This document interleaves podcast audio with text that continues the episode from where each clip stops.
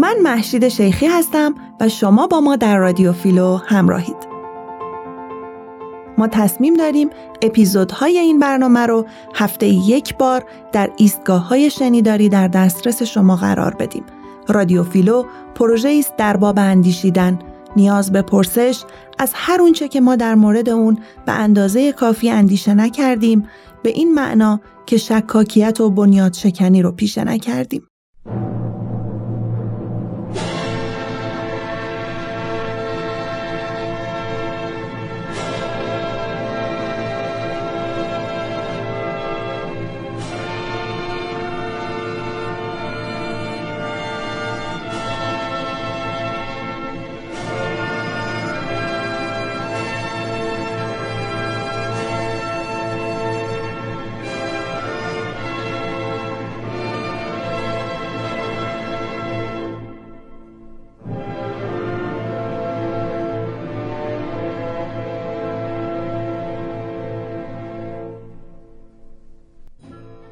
دوستان و همراهان درود در اپیزود شماره 11 رادیو فیلو به بررسی مناسبات جنسی و وضعیت گذار از دوره ساسانی به دوره اسلامی و چگونگی تغییر مناسبات اجتماعی و جنسیتی پرداختیم.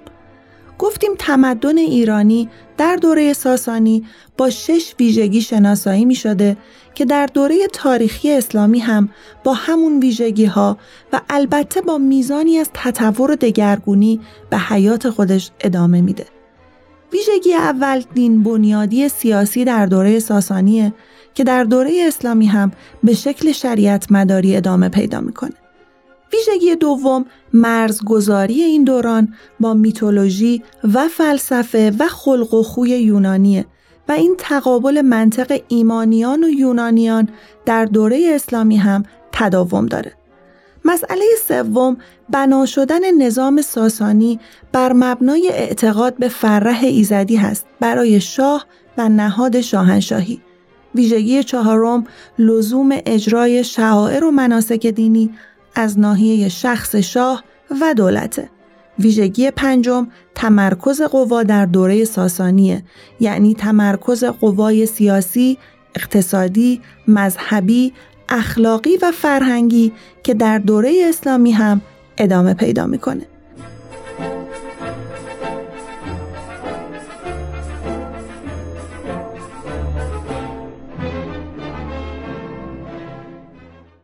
موضوع بعدی نظام جنسی و جنسیتی بوده که باید بدونیم نظام خانواده در دوره ساسانی گرچه ویژگی هایی در دوره زرتشتی داره که طبیعتا در دوره اسلامی منسوخ میشه ولی کلیتش حفظ میشه و ادامه پیدا می‌کنه. اون کلیت اینه که ماهیت مرد سالاری و شه پدری تداوم پیدا می‌کنه.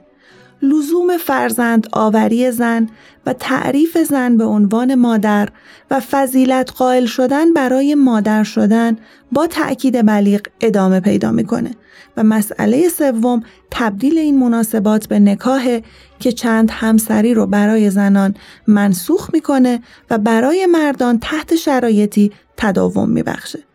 بحث بازتاب این موارد در زندگی جنسی و زناشویی رو شروع کردیم و گفتیم که نظام حرم در طبقات فوقانی جامعه ادامه پیدا می‌کنه. در مورد ساختار حرم توضیحاتی دادیم و قرار شد که در این اپیزود به ادامه این موضوع و سایر های گذار از دوره ساسانی به اسلامی در زندگی جنسی و زناشویی در طبقات مختلف اجتماعی بپردازیم. قبل از شروع اپیزود حاضر شایسته است که جمله ای رو از کتاب ایدئولوژی آلمانی مارکس و انگلس براتون نقل قول کنیم. افکار طبقه فرمانفرما بر جامعه همون اندیشه های حاکم بر اذهان مردمن.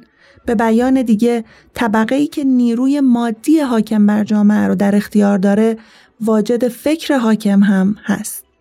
طبقه فرمان فرما ناگزیر به اندیشه و شکل جهانبینی خودش چنان همگان پذیری ببخشه و این افکار رو به مسابه شیوه مرسوم اقلانیت و واجد اعتبار کلی برای مردمان بازنمایی کنه تا بتونه مردم رو از پی خودش روان کنه.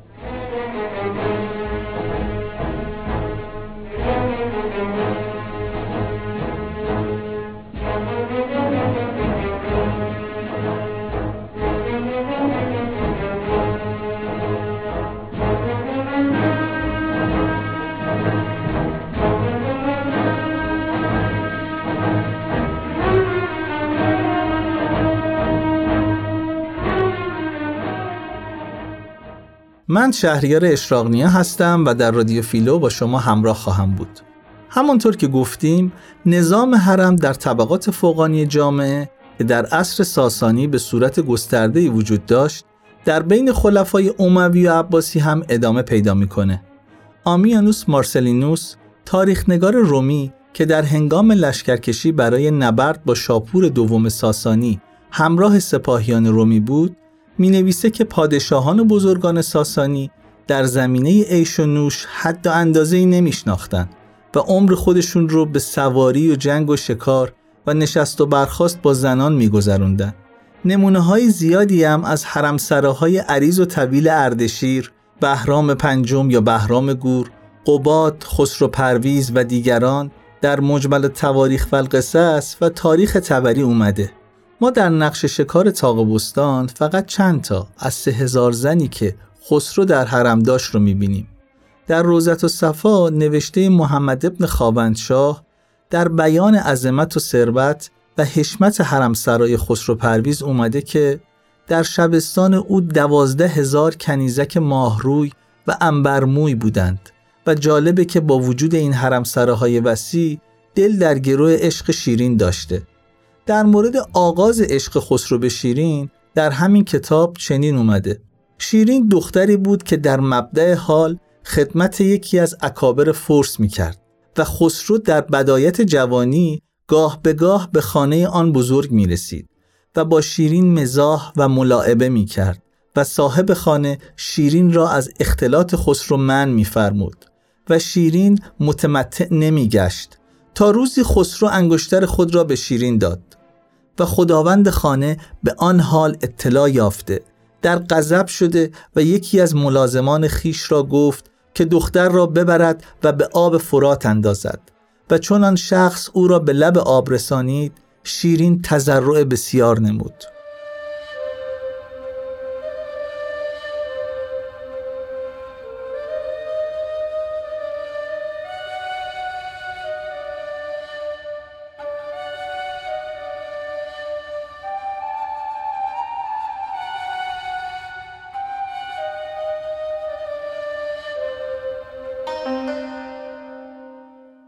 آن شخص گفت من نتوانم با ولی نعمت خود مخالفت نمایم اما تو را در موزه افکنم که بیرون توانی آمد و شیرین را در آب افکنده و بازگشت.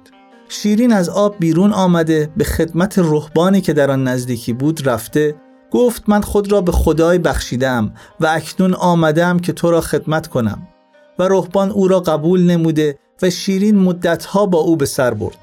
در اوان سلطنت پرویز فوجی از لشکریان او بر آن دیر میگذشتند و شیرین آن جماعت را دیده با یکی از آنها گفت که چون به خدمت ملک رسی عرضه دار که شیرین کنیزک تو در فلان دیر است و این انگشتری را به نشانی نزد او ببر. آن شخص خبر شیرین را به خسرو رسانید. پرویز او را تربیت ها کرد و خاج سرایان و کنیزکان را فرستاد تا شیرین را به حشمتی تمام در محفل مداین آورند. گویند که صاحب حسن و جمال باید که چهل چیز داشته باشد تا حسن او به کمال بود و در آن زمان به غیر از شیرین کسی جامع این اشیا نبود.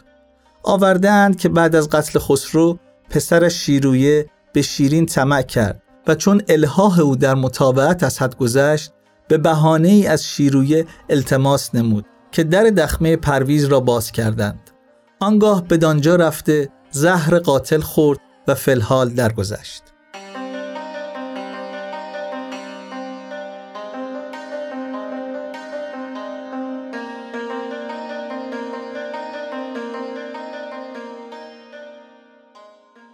زنان شوهردار و همسران اشراف هم از تجاوز خسرو پرویز در امان نبودند. باز هم در روزت و صفا اومده که نخارجان از سرداران سپاه خسرو پرویز بود و زنی زیبا داشت و این زن به درگاه خسرو آشنا شد و او با آن جمیل اختلاط و امتزاجی می نمود. تفصیل جریان رو استاد باستانی پاریزی در کتاب خاتون هفت قلعه اینگونه می نویسه.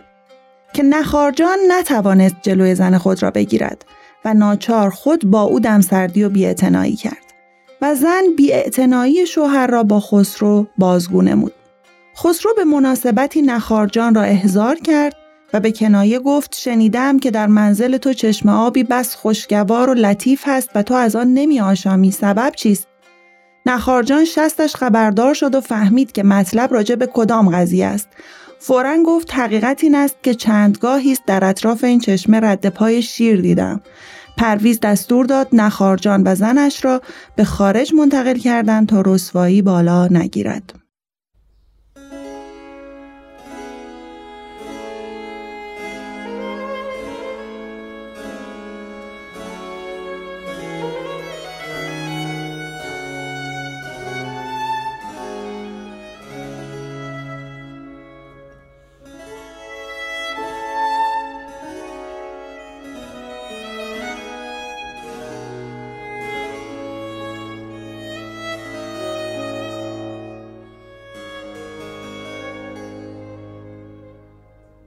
من امیر حسین ابراهیم هستم و در رادیو فیلو با شما همراه خواهم بود.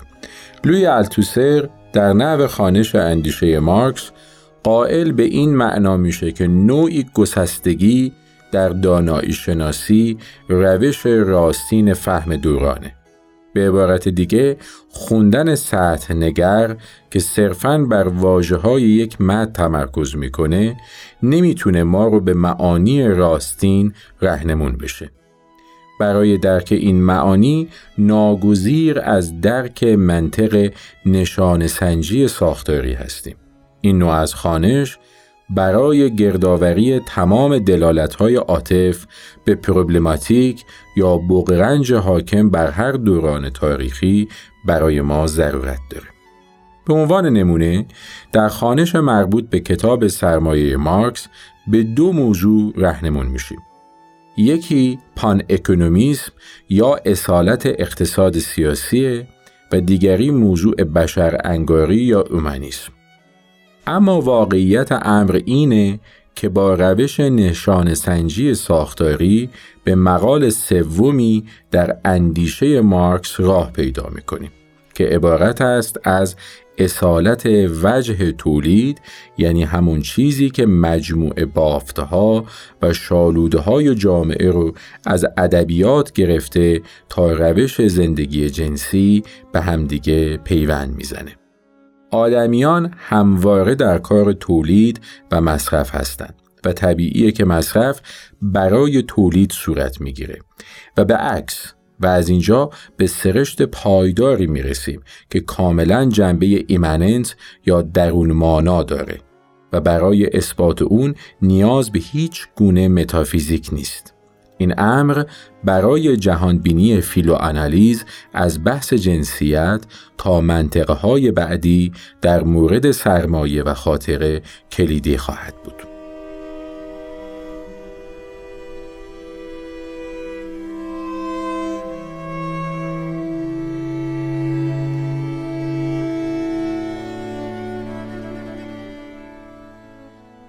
به عنوان یک مثال دیگه ویلی وایت از مهمترین پیروان اندیشه اصالت ساخت در امریکا نشون میده که فیلم های وسترن امریکایی بر اساس ساخت درونی خودشون که حول مفاهیم دوگان باورانه چون ضعیف و قوی، خوب و بد، تمدن و توحش و امثال هم ایجاد میشن سه گونه اساسی می داشتن و هر یک از این سگونه با مرحله از توسعه و دگردیسی سیاسی و اقتصادی ایالات متحده متناظر بوده. اومبرتو اکو تحلیل نشان سنجی ساختاری در ارتباط با تحلیل منطق حاکم بر داستان جیمز باند رو این چنین نشون میده که ارزشها و امیال جامعه بورژوایی به نحوی تام در این قصه خودشون رو باستاب میدن. مهمترین دوگان باوری ها در این داستان مشهور عبارتند از قهرمان و دشمن، عشق و مرگ، کاپیتالیسم و کمونیسم، جهان آزاد و جهان پشت پرده آهنین، تصادف و برنامه ریزی. یعنی عناصر تشکیل دهنده تمدن غربی به نحوی بسیار آمیانه، روشن و همه فهم در یک داستان سینمایی به بیان در میاد. فیلوآنالیز کوشش می‌کنه در مجموعه مباحث پیش رو همین نحوه کار اومبرتو اکو رو در پیش بگیره.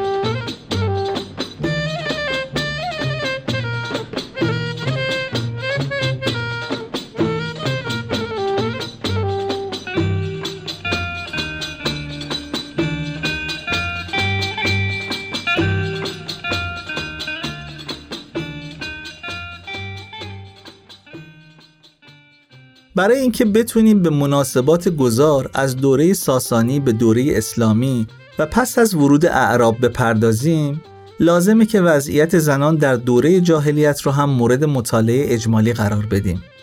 جالبه که در دوره جاهلیت بنا به اعتقاد جامعه شناسان و کسانی که تحقیقاتی در جامعه عرب قبل از اسلام دارند، زنان از موقعیت و مقام ویژه‌ای در امور مختلف اقتصادی و اجتماعی برخوردار بودند.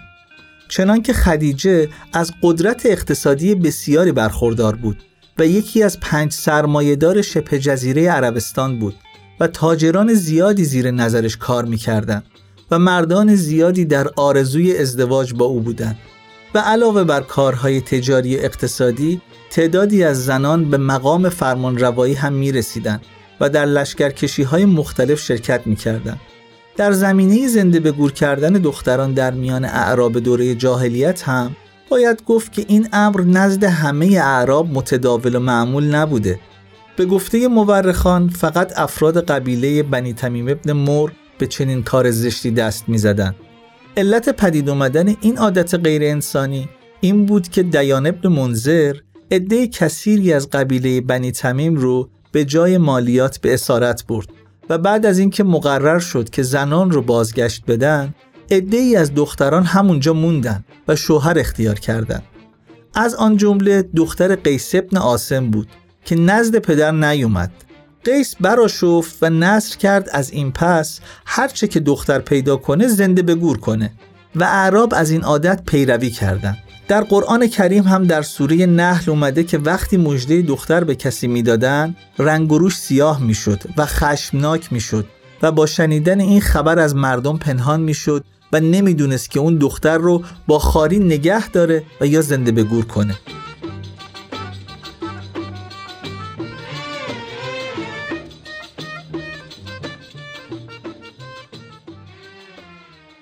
به هر صورت نمیشه لطمه چنین کاری رو که بعضا به سایر قبایل عربستان هم سرایت کرده بود نادیده گرفت و این امر موجب شد که تا حدی تعداد زنان نسبت به مردان کمتر بشه و رسم چند شوهری برای مدتی رواج پیدا کنه و روسبیگری هم شیوع پیدا کرد. در صدر اسلام موقعیت اجتماعی زنها ممتاز بود و همونطور که گفتیم در کارهای اجتماعی و در فعالیتهای رزمی و سیاسی مشارکت می‌کردند. در صدر اسلام که هنوز اعراب از باده پیروزی و تنعم سرمست نشده بودند حتی در کعبه زن و مرد با هم ادای حج می‌کردند و در این کار ضرر و عیبی نمی‌دیدند. اما همین که زندگی تجملی در میان اعراب معمول شد و مردان همخوابه و کنیز و کلفت فراوان به خونه آوردن در حقیقت به حیثیت و مقام زن در جامعه لطمه جبران ناپذیری وارد کردند. و عملا فساد و خیانت رو رواج دادن به حکایت منابع تاریخی در دربار سلاطین و خلفا غالبا عده کثیری کنیزان و غلامان ماهروی محبوس و تحت نظر بودند. در این دوره وقتی مسلمون ها با زندگی تجملی آشنا شدند و به خاطر ثروتهای بسیاری که در اثر فتوحات متعدد به چنگ آوردن عیاشی های بی حدشون شروع شد و قضیه محدود ساختن زنان بیش از پیش شدت پیدا کرد و راجع به اون دقتهای فوقلادهی مبذول شد. یا حبیبی.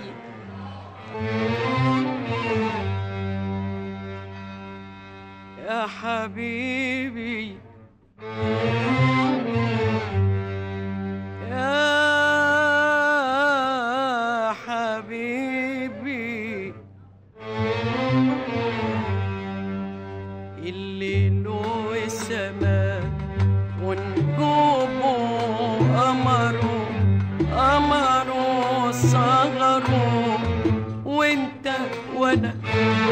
حبیبی انا یا حیاتی اسیران فراوون شدن و طبعا زن و مرد هم به هم بدگمان شدن و اون غیرت و علاقه مندی سابق رو از دست دادن و چون اختیارات مرد بیشتر بود از اوایل سلطنت امویان زنان در خانه محبوس شدند و خاجگان سیاه و سفید برای مراقبت از رفتار اونها معین شدند. و چون در اثر جنگ ها کنیزان بسیاری به دست اومد و نزدیکی با کنیزان و تعدد زوجات هم منع شرعی نداشت به تب اختلاف ها فوزونی گرفت و صفا و صمیمیت و همکاری مشفقانه که بین زنان و مردان وجود داشت کم کم رو به سستی رفت. بدترین چیزی که در ایام خلفای اموی و عباسی رواج پیدا کرد امردبازی و همخوابه شدن با جوانان بود. چون جوانان و پسران ماهروی ترک در آن روزها زیاد شدند و خلفا برای اینکه این پسران رو آزادانه به حرم سرا ببرند اونها رو اخته می‌کردند. وقتی مردان به امردان پرداختن و زنان رو در حرم سراها گذاشتن اونها هم با خودشون مشغول شدن در تاریخ اومده که دختر اخشید فرمانروای مصر کنیزک زیبایی خرید تا با او خوش باشه و همین که این خبر به المعز فاطمی رسید از خوشی فریادی برآورد که مدتها در کمین بودم که مصر را بگشایم. ولی بیم داشتم که مبادا شکست بخورم. حال که دانستم خاندان سلطنتی این قسم دچار مفاسد اخلاقی می باشند حتم دارم که پیروز می شوم و هر کس می داند که افت بهترین نگهبان هر حکومت و سلطنتی است.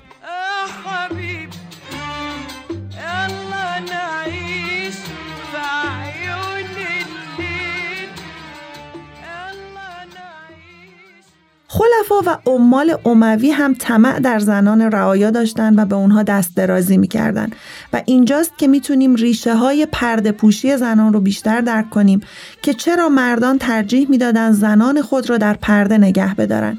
چون آریستوکرات مربوطه وقتی از وجود زنی زیبا آگاه می‌شد می‌خواست که او رو تصاحب کنه.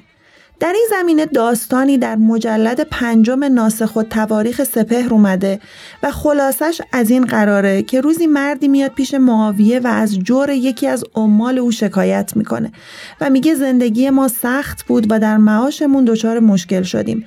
پدرزن من اومد و همسرم رو با خودش برد. من نزد مروان رفتم و از پدرزن خودم شکایت کردم. وقتی پدرزن و همسرم نزد مروان اومدن او شیفته همسر من شد. و چون من حاضر به طلاق او نشدم من رو به زندان فرستاد و همسرم رو به حرم سرای خودش برد. معاویه به مروان دستور داد که زن رو مطلقه کنه و وقتی زن رو نزد معاویه آوردن خودش دل از کف داد و سعی کرد که اعرابی رو با پول تطمیع کنه. اعرابی فریاد کرد که من از جور عمال تو شکایت کردم و تو خودت این کار رو تکرار می‌کنی معاویه از زن نظر پرسید و زن زندگی سخت با شوهرش رو ترجیح داد و معاویه از وفاداری زن شگفت زده شد و بهشون مالی بخشید و اونها رو آزاد گذاشت. از کنه این داستانها میشه به فرهنگ رایج جنسی در یک دوره تاریخی خاص پی برد و همینطور ریشه های برخی رسوم رایج این زمان رو دریافت.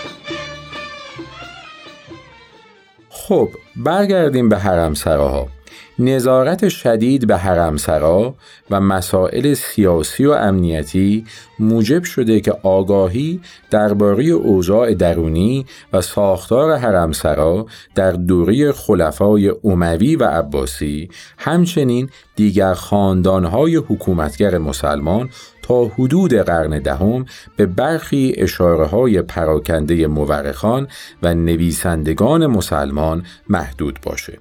اونچه می‌دونیم اینه که گروهی خادم به ریاست یکی از خاجه ها از دروازه های حرم محافظت می‌کردن. ورود به این مجموعه و خروج از اون بسیار سخت بود و افراد و وسایل اونها به دقت تفتیش می شدن. مادر خلیفه که لقب افتخاری از سیده داشت با شکوه تمام و خدم و حشم و کنیزان بسیار در بخشی از حرم زندگی می کرد ریاست حرم رو به برخی از کنیزان که قهرمانه خوانده می شدن واگذار می کرد. گروه زیادی از خادمان سیاه و سفید و عده حاجب که هر کدوم وظیفه خاص داشتند در حرم خدمت می کردن. نگهداری از حرم هزینه های زیادی داشت. مادر خلیفه و قهرمانه ها هم از نفوذ سیاسی و اقتصادی زیادی برخوردار بودند. قهرمانه خزانه حرم رو در اختیار داشت و مواجب و ارزاق ساکنان حرم رو می پرداخت. و همچنین رابط بین خلیفه و وزرا و سرداران بود و نامه های اونها رو به خلیفه می رسوند. ساختمان حرم سرا که اغلب در کاخه های سلطنتی قرار داشت با دیوارهای بسیار بلند محافظت می شد. و متشکل از چندین حیات تو در تو با تالارها و اتاقهای مختلف بود. در هند این بناها رو محل شبستان اقبال یا شبستان خاص می گفتن. ساکنان حرم با توجه به مرتبه خودشون و میزان محبوبیت نزد سلطان یکی از این حیاتها یا یک یا چند اتاق رو در اختیار داشتند. حیاتها دارای درختان متعدد، باغچه ها، فواره ها و آلاچیغ هایی برای تفریح زنان بود. مفصل ترین توصیف از ساختمان حرم سرای صفوی از آن شاردنه. به گفته او حرم چهار محوته داشت. در محوته اول که بخش اصلی حرم بود چهار امارت مهمانخانه، فردوس، آین خانه و دریاچه واقع بود. این محوطه بین 150 تا 180 امارت داشت. امارت های محوطه دوم مخصوص سکونت شاه بود و نهرهای روان و چند استخر نیز داشت. در محوطه سوم پسران بزرگ شاه سکونت داشتند و محوطه چهارم به زنان و خاج سرایان پیر و نابینا اختصاص داشت. در حرم سراهای این دوره همه نوع امکانات رفاهی یک شهر فراهم آمده بود و زنان هیچ نیازی به بیرون از حرم نداشتند. حتی در حرم عثمانی بیمارستانی مخصوص زنان جاریلر خسته خانسی ساخته شده بود.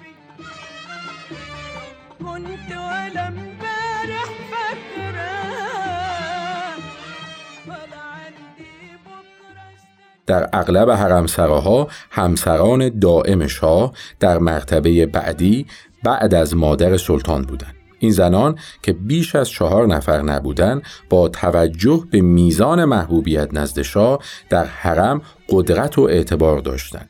برترین اونها که پس از ملکه مادر قرار می گرفت در حرم عثمانی قادن افندی خاتون و در ایران سوگلی نامیده می‌شد و دارای القاب و عناوین تشریفاتی بود. همسران غیر دائم یا سیغه‌ای شاه در مرتبه بعد قرار داشتند که البته به نظر می‌رسه درباره تعداد این زنان در منابع مبالغه شده. تعداد زیادی کنیز به زنان سگانه مذکور خدمت می‌کردند.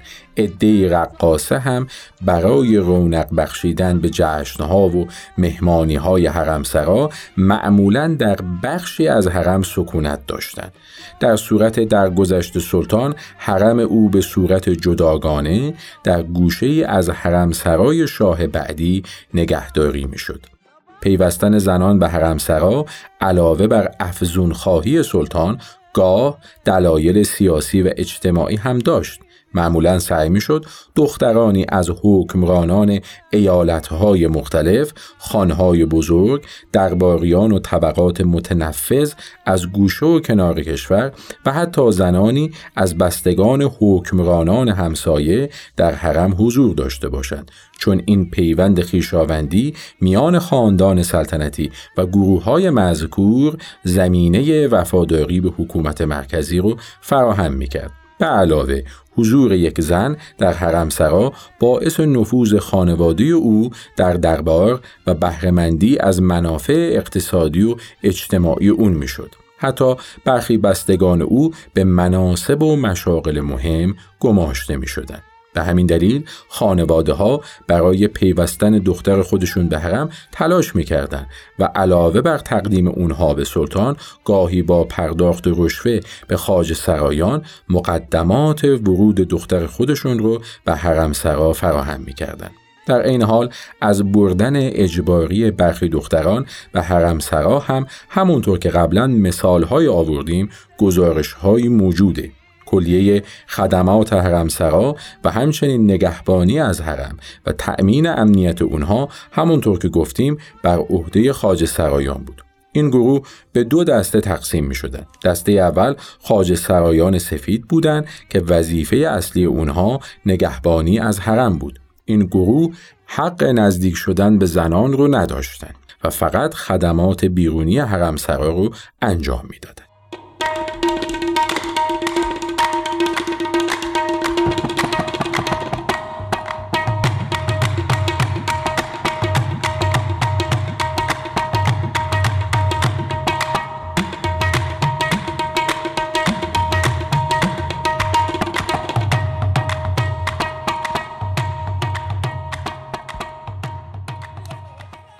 دسته دوم خاج سرایان سیاه بودند که در درون حرم مراقبت از زنها و انجام دادن کارهای گوناگون اونها را به عهده داشتند.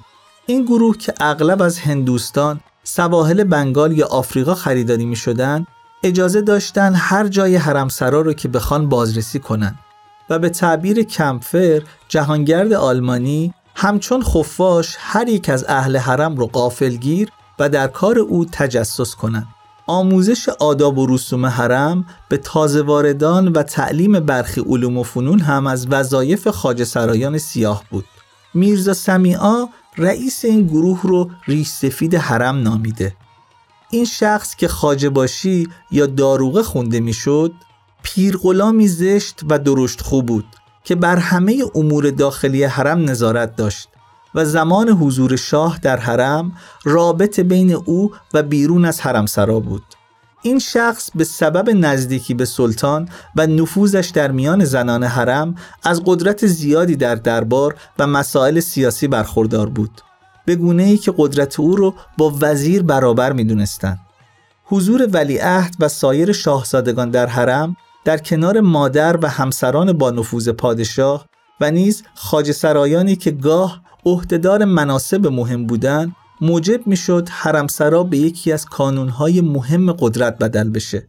گزارش های زیادی از دخالت های اهل حرم در رویدادهای مهم سیاسی چون ازل و قتل سلطان، انتصاب سلطان جدید، ازل و نسب حاکمان ایالتها و بزرگان حکومتی، بدگویی از برخی وزرا و بزرگان و شفاعت عده دیگه و حتی برقراری مناسبات خارجی با دولت‌های همسایه در دسته.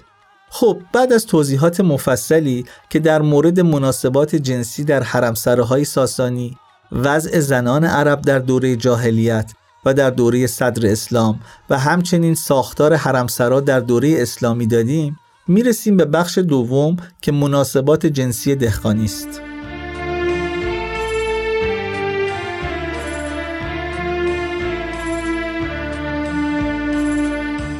شکفته غنچه محتاب تو بهشت شالیزاران.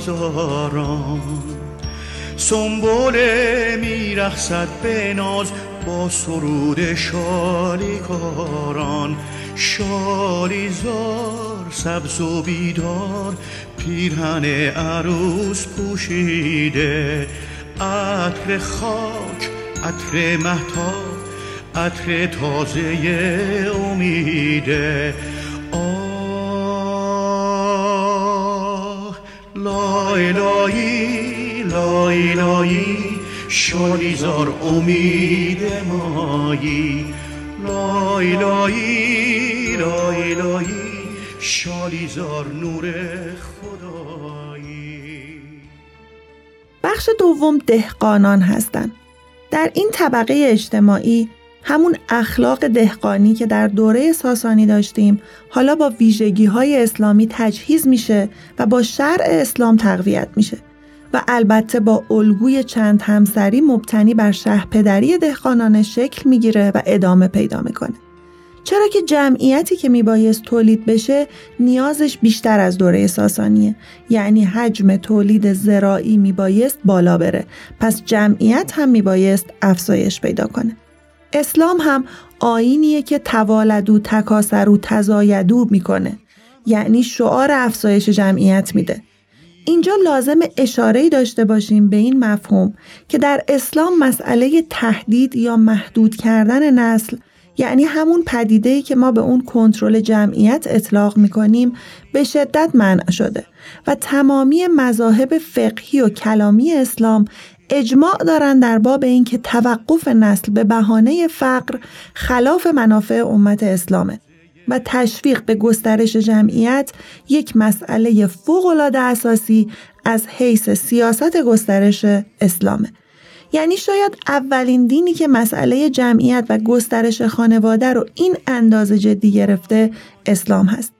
و بعد پیوند این موضوع با اون مفهوم زیست قدرت اینکه اگر یک طرف زندگی آدمی حیات و تولد و تداوم حیات باشه و سمت دیگه هم تاناتوس به زبان فروید یا مسئله مرگ و احتضار همه سیاست بابت اینه که فاصله مرگ و زندگی رو تا حد امکان طولانی کنه.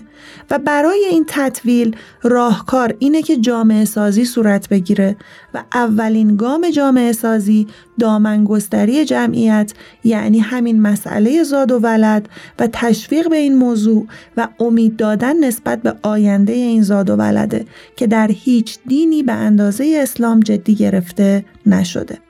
این مفهوم در فیلوآنالیز بسیار اساسیه و ما هم در مقایسه میان تمدن اسلامی و تمدن مدرن و هم در مورد منطق سرمایه سر و سرمایه به این مفهوم که خیلی برای ما اساسیه باز خواهیم گشت. وای خدا نز و بشینه خاک غریبی بهمون. خون میدون روی خاکون خاک خمونای خب داشتیم در مورد مردمان دهقان می‌گفتیم. این مردمان دهقان برده به شمار نمیان و انگیزه زندگی دارن. بنابراین مردان چند همسری اختیار می‌کنن و بر جمعیت اضافه می‌کنن و اجهاف در میان اولاد و این زنانی که مجبورن هووار در کنار هم زندگی کنن به تدریج افزایش پیدا می‌کنه. یعنی به نسبت دوره ساسانی جمعیت دهقانی از نظر اخلاقی روی یک دور تنزلی میافته. به خاطر اینکه در گذشته یک الگوی تک همسری نسبتا زاهدانه و یا انعطاف در مناسبات جنسی داشت و حالا به اندازه‌ای که تنبان این دهقان ممکنه دوتا بشه تعداد زوجات هم افزایش پیدا می‌کنه. اجهاف ها و رقابت ها در همون قالب زندگی محدود روستایی و زراعی شکل می‌گیره و این آدم ها مقابل هم قرار می‌گیرن. و این یکی از دلایل تضعیف نظام روستا در ایران هم هست که البته صده ها به طول می انجامه ولی از نظر بیوپولیتیک یعنی مقوله زیست قدرت اگه بخوایم نگاه کنیم فساد این سیستم از همین زمانه که داره آغاز میشه.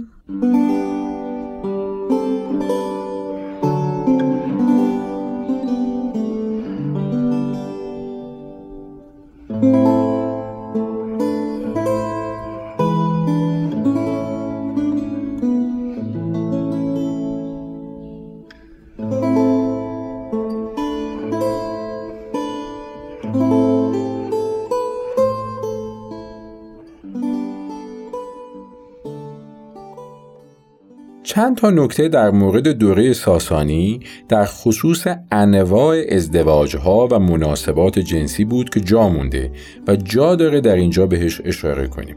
رسوم و قوانین متداول از قدیم در دوره ساسانی به این ترتیب بود که زن تحت سرپرستی کتک خدای یا کد خدای قرار داشت و این رئیس خانوار ممکن بود پدر، شوهر و در صورت مرگ جانشین اونها باشه. اما در طی زمان در بینش حقوقی تغییرهای زیادی به نفع زنان اتفاق افتاد. حقوق قدیمی به لحاظ نظری بر جای بود اما عملا در نسل جدید به کار بسته نمی‌شد و رسوم جدید از قدرت حاکمیتش کم کرده بود و رئیس خانواری که همچنان این حقوق رو برای خودش معتبر می‌دونست با عکس عمل شدید وجدان حقوقی مردمان روبرو می‌شد. زنان و کودکان و حتی بردگان در دوره ساسانی بدون تردید در حال نوعی ترقی و تحول به شمار می آمدن. اونها در راهی بودند که میبایست به طرف استقلال و رهایی از بردگی جسمانی و اقلایی هدایتشون کنه. در حقوق قدیم زن به طور کلی از حق معامله و عقد قرارداد محروم بوده ولی در حقوق عملی جدید عصر ساسانی این رسم کهن هم از اعتبار ساقط شده بود و زن می‌تونست عقد قرارداد بکنه و مسئولیت شرکت در کاری با شوهر رو داشته باشه. هرگاه شوهری به زن خودش می‌گفت که تو از این لحظه آزاد و صاحب اختیار هستی اون زن به این وسیله از نزد شوهر خودش ترد نمی‌شد ولی اجازه پیدا می‌کرد که شوهر دیگه ای اختیار کنه.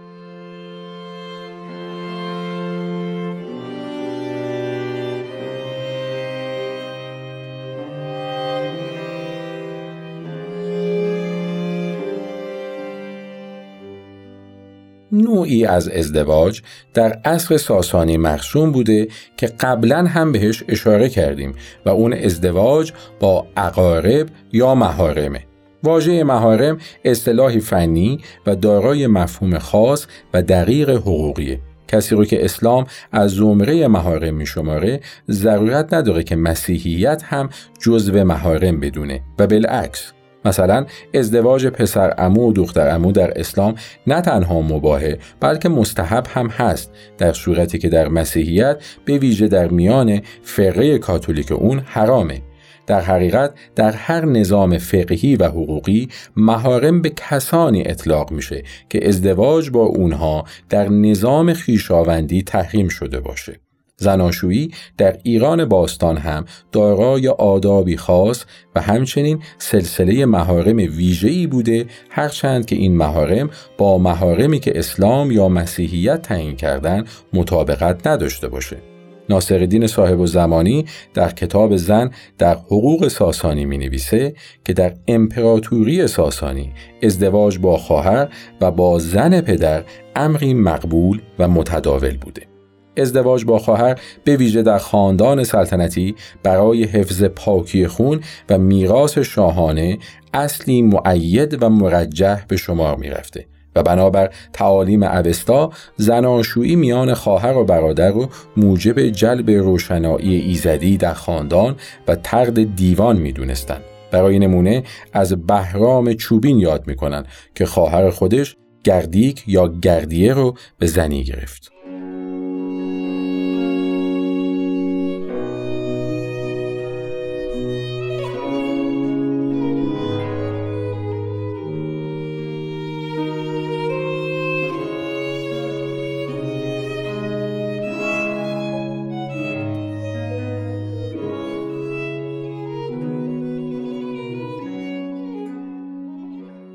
نوع دیگه ای از ازدواج در عهد ساسانی ازدواج استقرازی یا آریتی بود. به این ترتیب که شوهر حق داشت یگان زن خودش رو یا یکی از زناش رو به مرد دیگه ای که بدون تقصیر محتاج شده بود بسپاره. تا این مرد از خدمات اون زن استفاده بکنه و در چنین موردی رضایت زن شرط نبود. فرزندانی که در این ازدواج متولد می شدن متعلق به خانواده شوهر اول بودند مورد بعدی تعدد زوجات مردانه است که قبلا هم بهش اشاره کردیم در این سیستم یکی از زنان سوگلی و صاحب حقوق کامله بود که او را پادشاه زن یا زن ممتاز می گفتن و از او پستر زنی بود که عنوان خدمتکاری داشت و بهش چاکرزن می گفتن. شوهر موظف بود مادام العمر زن ممتاز خودش رو نگهداری کنه و او و اولادش رو تأمین کنه اما زوجه هایی که عنوان چاکرزن داشتن فقط فرزندان پسرشون در خانواده پدری پذیرفته می‌شد. موضوع بعدی ازدواج آزاد بود. در ایران عهد ساسانی اگر پدری در شوهر دادن دخترش اهمال و سهلنگاری به خرج می‌داد و به موقع او رو به شوهر نمی‌داد دختر می‌تونست به میل خودش بدون اجازه پدر حتی به یک ازدواج غیر مشروع تندر بده و پدر هم حق نداشت که دختر رو به خاطر این موضوع ترد کنه کودکانی که فرزندان روابط آزاد به شمار می‌رفتن تحت سرپرستی مادر و در خانه پدر بزرگ مادری خودشون رشد و تربیت پیدا می‌کردن این کودکان رو با لقب پرلطف پیک خدایان مینامیدند.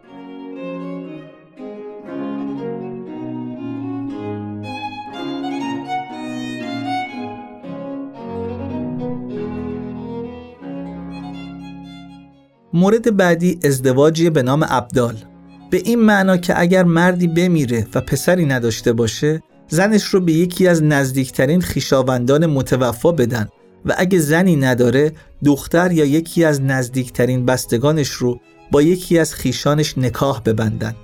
اگه هیچ زنی در بستگانش نبود از مال مرد زنی رو جهیز بدن و به یکی از خیشان مرد بدن و پسری که از این ازدواج حاصل بشه متعلق به میت هست و کسی که از این تکلیف قفلت کنه سبب قتل نفوس بیشمار شده چون نسل میت رو قطع و نامش رو تا آخر دنیا خاموش کرده.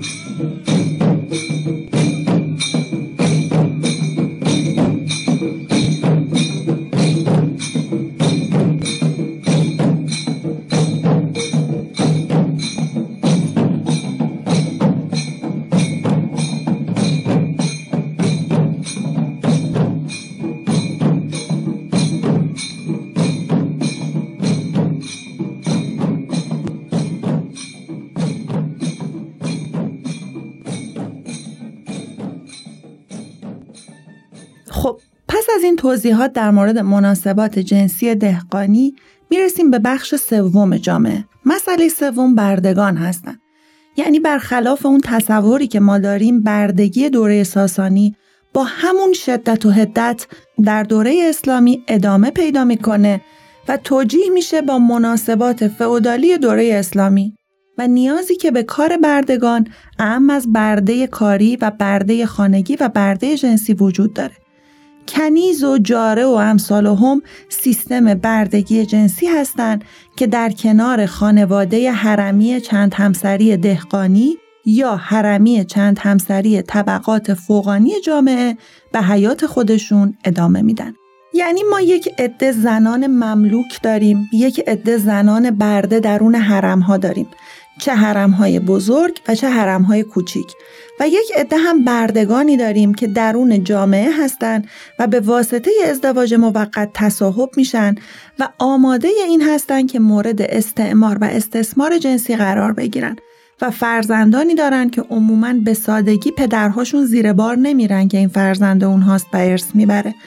آدم های بیشناسنامه ای که با نام مادر شناخته میشن یا یک شخصی که مادر توسط اون آدم اجاره جنسی داده می شده و به این واسطه آدم هایی هستن آماده به تقیان و شورش عضویت در ارتش های خصوصی شورشگر در مناطق مختلف جهان اسلام و بعضی از این آدم ها مثل عبیدالله مهدی که خلافت فاطمی مصر رو که اولین حکومت پادشاهی اسماعیلی مذهب رو در دنیای اسلام پایه می‌گذاره از همین بچه ها و از همین طبقه اجتماعی و اقتصادی است که بیرون میاد. اسلام خوشرفتاری با بندگان رو واجب و آزادی اونها رو کاری بسیار نیکو دونسته و آزادی بردگان رو کفاره بسیاری از گناهان بزرگ قرار داده.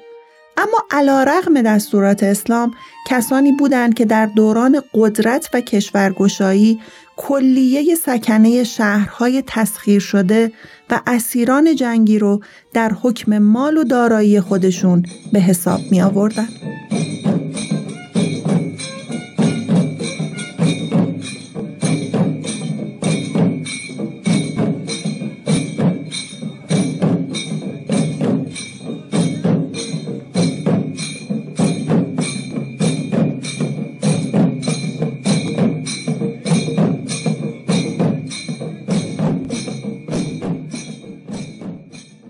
همین خاطر در قالب شهرها بازار مهمی برای خرید و فروش انواع برده از مرد و زن وجود داشت.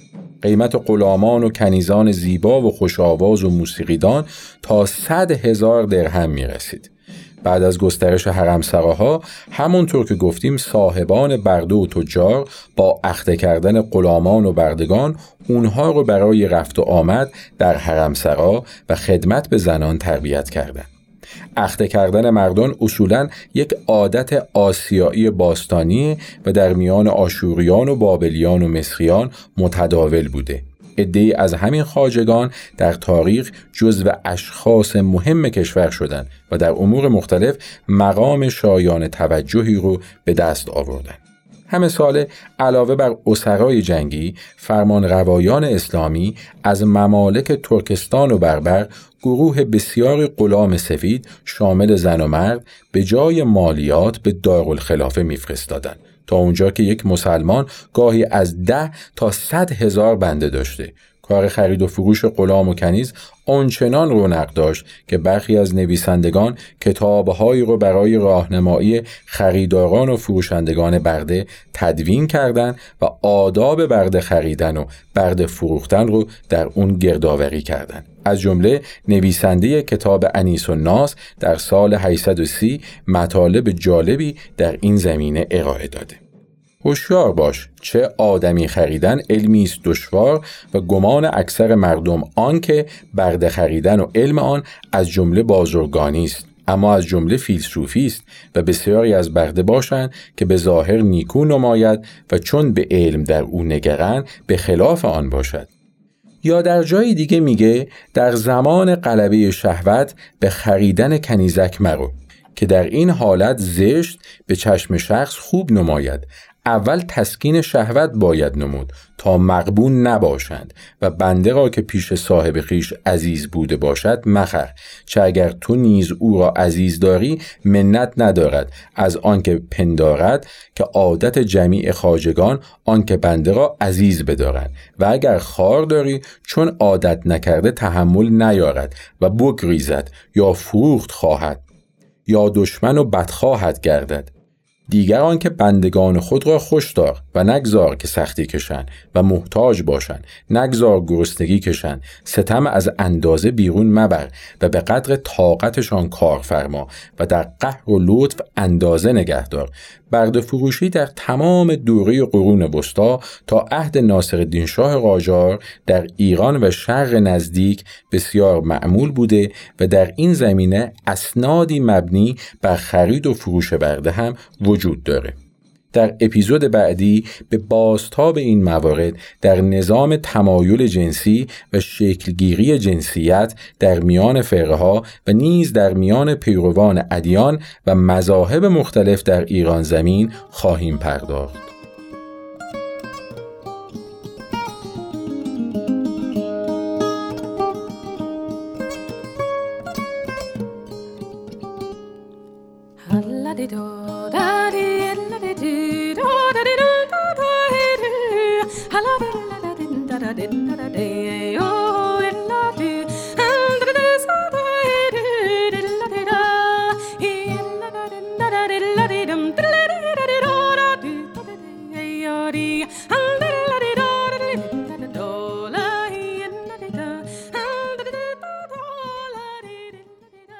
این اپیزود در فروردین ماه سال 1401 ضبط شده و در 24 روم فروردین ماه 1401 در دسترس شما دوستان عزیز قرار خواهد گرفت.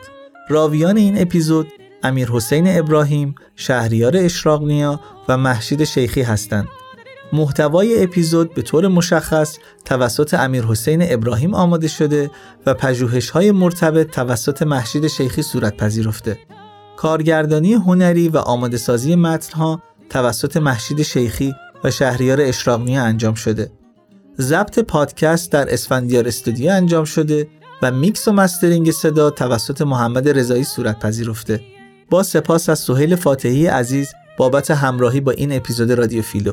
ما رو در اینستاگرام رادیو فیلو می‌تونید دنبال کنید که در اونجا بخشهایی از محتوای مربوط به هر اپیزود رو برای شما به اشتراک می‌گذاریم.